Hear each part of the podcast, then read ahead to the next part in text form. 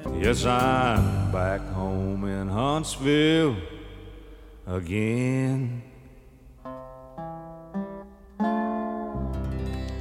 Welkom bij de extra podcast van Prison Show. Normaal gesproken zijn we er elke vrijdag met de reguliere uitzending. Afgelopen vrijdag waren we er met de podcast over de Recht van Sprekendag, zoals die werd gehouden op 7 oktober in Eindhoven. Met uh, interviews met mensen die ik daar heb ontmoet. En deze week komt er dan een serie toespraken online, zoals die werden gehouden tijdens de Recht van Sprekendag. En dit verhaal waar we nu naar gaan luisteren, dat is echt een hele bijzondere. We horen Marianne en haar dochter Amber met een indrukwekkend verhaal. Want hoe is het als je klein bent, een meisje van 6, 7 jaar, en je broer wordt opgepakt waar jij bij staat? Wat doet het met een gezin, ook jaren nadat de broer is vrijgekomen en zijn leven weer heeft opgepakt? Dit is het verhaal van twee hele dappere dames, met aan het einde ook nog heel erg goed nieuws. Dus blijf ook aan het einde even luisteren naar het applaus. Een paar maanden terug werden wij gebeld door Frans. Joh, willen jij en Amber jullie verhaal gaan doen? Op de dag van recht van spreken. En dat was even slikken. En dat was heel snel nadenken.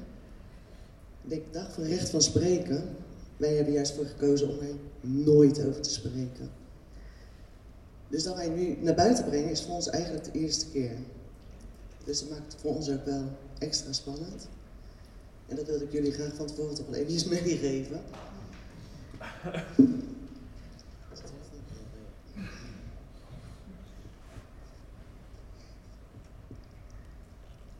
Mama, mijn telefoon doet raar. Elke keer als ik ga bellen of opneem, hoor je een piep. Bel mij maar eens. Het lijkt me als ik afgetapt word. Afgetapt? Maar waarom zouden ze dit doen? Vraag ik nog. Dit was in de tweede week van juli 2016. Een week later gingen met zijn toenmalige vriendin El, we noemen haar voor het gemak eventjes Lisa, en mijn destijds zesjarige dochter Amber naar de kermis. Want zij deden veel dingen samen en hadden een speciale band met elkaar. Dus Amber keek er erg naar uit. Binnen drie kwartier kwamen Lisa en Amber alweer, alweer terug en stapten huilend uit de auto. Is er iets gebeurd? Wat is er? En Amber viel huilend in mijn armen. Ergens meegenomen. Ergens meegenomen? Meegenomen? Hoe meegenomen? Door wie? Ik begreep er echt helemaal niets van. Ze zeiden dat ze van de politie waren. Hebben ze zich gelegitimeerd dan? Nee. Maar wie zegt dan dat ze van de politie zijn? Misschien heeft hij wel vijanden en is hij meegenomen, wordt hij ergens afgeranseld. Er ging van alles door mijn hoofd. Maar bovenal angst. Heel veel angst. En machteloosheid. Ik belde een vader, want hij werkte bij de politie Haaglanden. Misschien kon hij iets meer zien of te weten komen. We zijn weliswaar jaren geleden gescheiden, maar hadden wel goed contact. Hij kon niet zien, maar zou de politie in onze uh, woonplaats bellen en informeren. Maar zij wisten van niets. Mijn angst werd er steeds groter. Maar wat is dan precies gebeurd sinds jullie vertrek? We kwamen net aan in de stad en het was nog maar een stukje lopen naar de kermis. Er liepen een aantal mensen op ons af en vroegen: Weet jullie waar de kermis is? Maar de kermis was recht voor ons. Het was best een rare vraag, want ze konden hoge attracties van hier al zien. Terwijl dat gevraagd werd, werd er meegenomen naar een grijze daar die, waar die gefouilleerd werd. De vrouw en de man die bij ons bleven staan, gingen voor staan. En ik werd door Lisa op zo'n manier geknuffeld dat ik niks kon zien.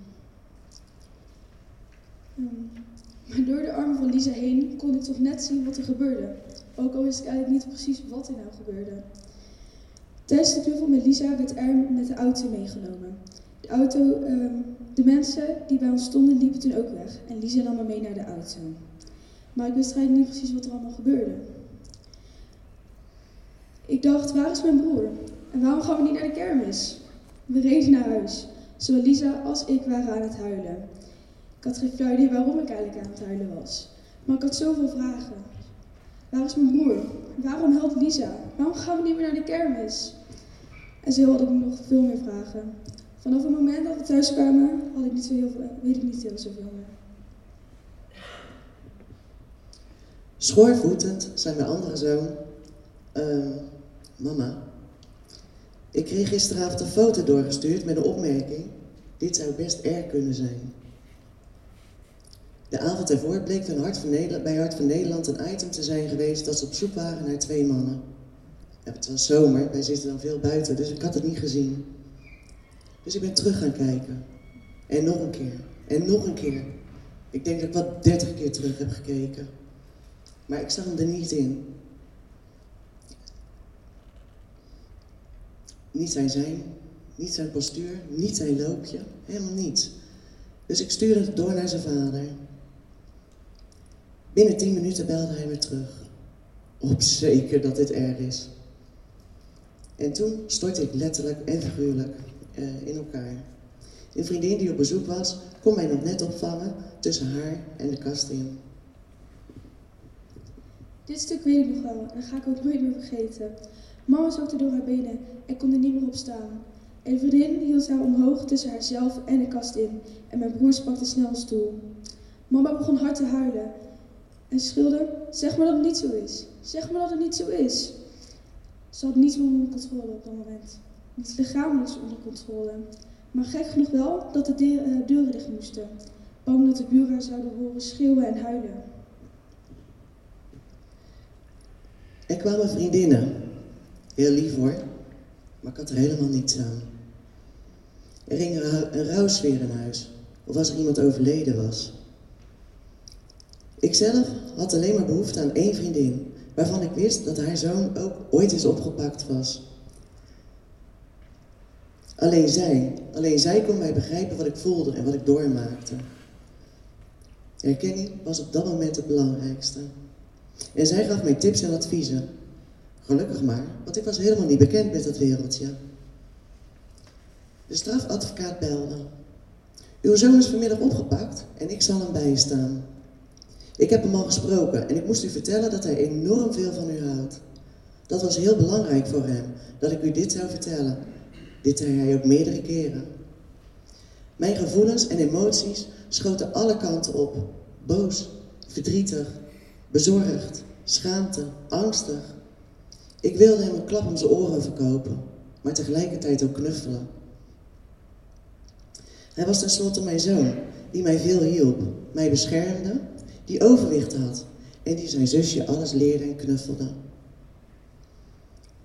Ik kon met mijn gevoelens geen kant op. Drie dagen, drie hele lange dagen, en mocht ik geen contact met hem. En dat was zwaar. We hadden sowieso met het gezin een hele warme en sterke band. Dus drie dagen elkaar niet spreken was moeilijk. Recherche kwam aan huis. Het eerste wat ze zeiden, we moesten u op uw hart drukken dat hij heel veel van u houdt. Opvallend dat dit zo belangrijk voor hem was. Dat wij u dit ook zouden vertellen. En tijdens de koffie zeiden de heren van de recherche, ik snap het niet, jullie zijn er helemaal het gezin niet naar. Ik durfde dan bijna niet meer naar buiten en onder de mensen te komen, bang dat het op mijn voorhoofd gedrukt stond. Ik voelde schaamte. Ook mijn andere kinderen reageerden precies anders dan ik verwacht had. De introverte keerde zich niet naar binnen, maar begon juist eh, veel te huilen en wilde, en, wilde veel praten. En mijn zoon, waarvan ik dacht, waarvan ik verwacht had dat hij zou huilen en zou praten, keerde zich naar binnen. Zijn grote broer, waar hij zo naar opkeek, was ineens van zijn sokkel gevallen. Hij was boos, teleurgesteld en voor zijn gevoel was het gezin niet meer stabiel. Het voelde voor hem of als, of we ergens in meegezogen werden, uh, wat niet bij ons paste, waar wij geen zeggenschap over hadden. Buiten mijn eigen emoties hield ik hem uh, alle drie goed in de gaten en bleef veel met hen in gesprek. Na die dagen werd hij geplaatst in Vught, gelukkig dichtbij. We mochten hem bezoeken en dat was raar en spannend. Hoe ga ik reageren? Wat wil ik hem zeggen? Wat wil ik doen? Ik had al diverse dingen uitgezocht en mensen gesproken. En dat kon omdat er iedereen akkoord had gegeven om dingen met mij te delen en met mij te bespreken. Dat is het voordeel van een warme en sterke band. En dat was dus fijn, want zo kon ik van huis uit veel dingen voor hem regelen.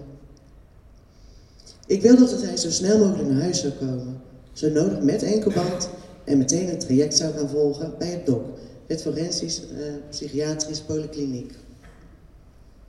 Bij het eerste bezoek in Vught gaf ik hem er dus mee. En zo snel mogelijk naar huis, zo nodig met enkelband en dat hij akkoord zou gaan met het traject. En daar wilde hij meewerken. En alles ging zoals ik hoopte. Maar eenmaal thuisgekomen was het makkelijker gezegd dan gedaan. Er kwam ongeveeld wrijving. Ik had drie weken alles voor hem gedaan, geworsteld met emoties, je broertje en zusje opgevangen. Jij gaf me aan in die tijd dat je vast zat, dat je mij alleen maar zag, zag huilen. Nou jongen, dat klopte. 24-7 heb ik gehaald. En dan kom jij met je ongezouten meningen, weerwoorden en af en toe een grote mond. Ik kon het niet hebben. Ik verwachtte dankbaarheid. Maar zo werkt dat dus niet. Uh, we vonden er wel een weg in en uiteindelijk is dat ook allemaal wel goed gekomen. Wij hebben er altijd voor gekozen om het niet naar buiten te brengen. De steun en hulp van naasten en de omgeving kan je niet echt verwachten. Ik kon via het DOC een soort systeemtherapie doen, maar ook deze was meer gericht op R. En verder was er dus eigenlijk helemaal niets. Maar hier moest ik iets mee, want dit kan toch niet waar zijn? Ik wilde er kunnen zijn voor mensen die net zo onverwacht in zo'nzelfde situatie van onbekend terrein als, als ons terecht zijn gekomen. Ook de twee jaar voorwaardelijk voelde voor mij als een voorwaardelijkheid die ook mij opgelegd is. Twee jaar lang blijf je bang dat hij weer ergens de fout in gaat. Alle keren dat hij wegging. Denk je, nog, eh, denk je goed na, jongen. Kopje erbij houden. En let goed op elkaar. Want je kan je niks geks veroorloven.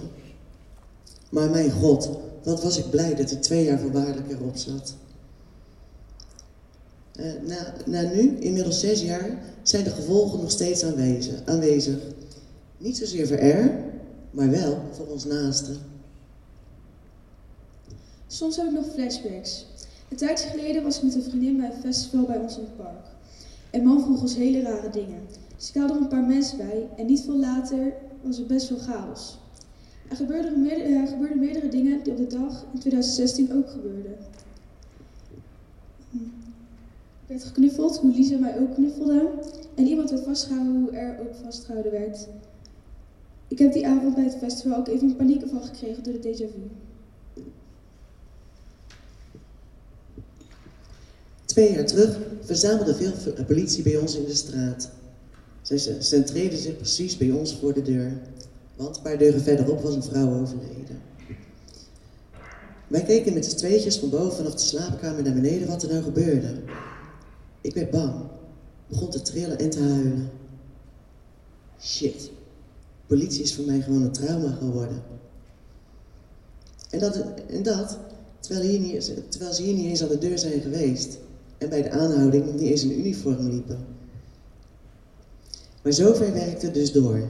Juist omdat er niets voor naasten, voor naasten is en daar geen hulp geboden wordt. Blijft de nasleep van naasten erg lang doorsluimeren. Vorig jaar hij gaan samenwonen.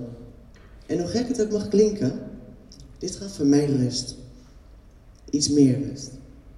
Een beetje opgelucht. Nu zullen ze sowieso nooit meer hier aan de deur kunnen komen als er weer eens verkeerde keuzes worden gemaakt. Maar gelukkig doet hij het heel goed. En hij weet inmiddels wat het uh, tot nu toe doet met heel, het gezin. De les die wij hierin willen meegeven, en dit vooral voor de professionals, het delict die gepleegd is, maakt voor de impact van naasten niet uit. Hoe groot of hoe klein het uh, delict ook mag zijn, de impact van naasten blijft gelijk, maar bovenal enorm. En samen zullen wij gaan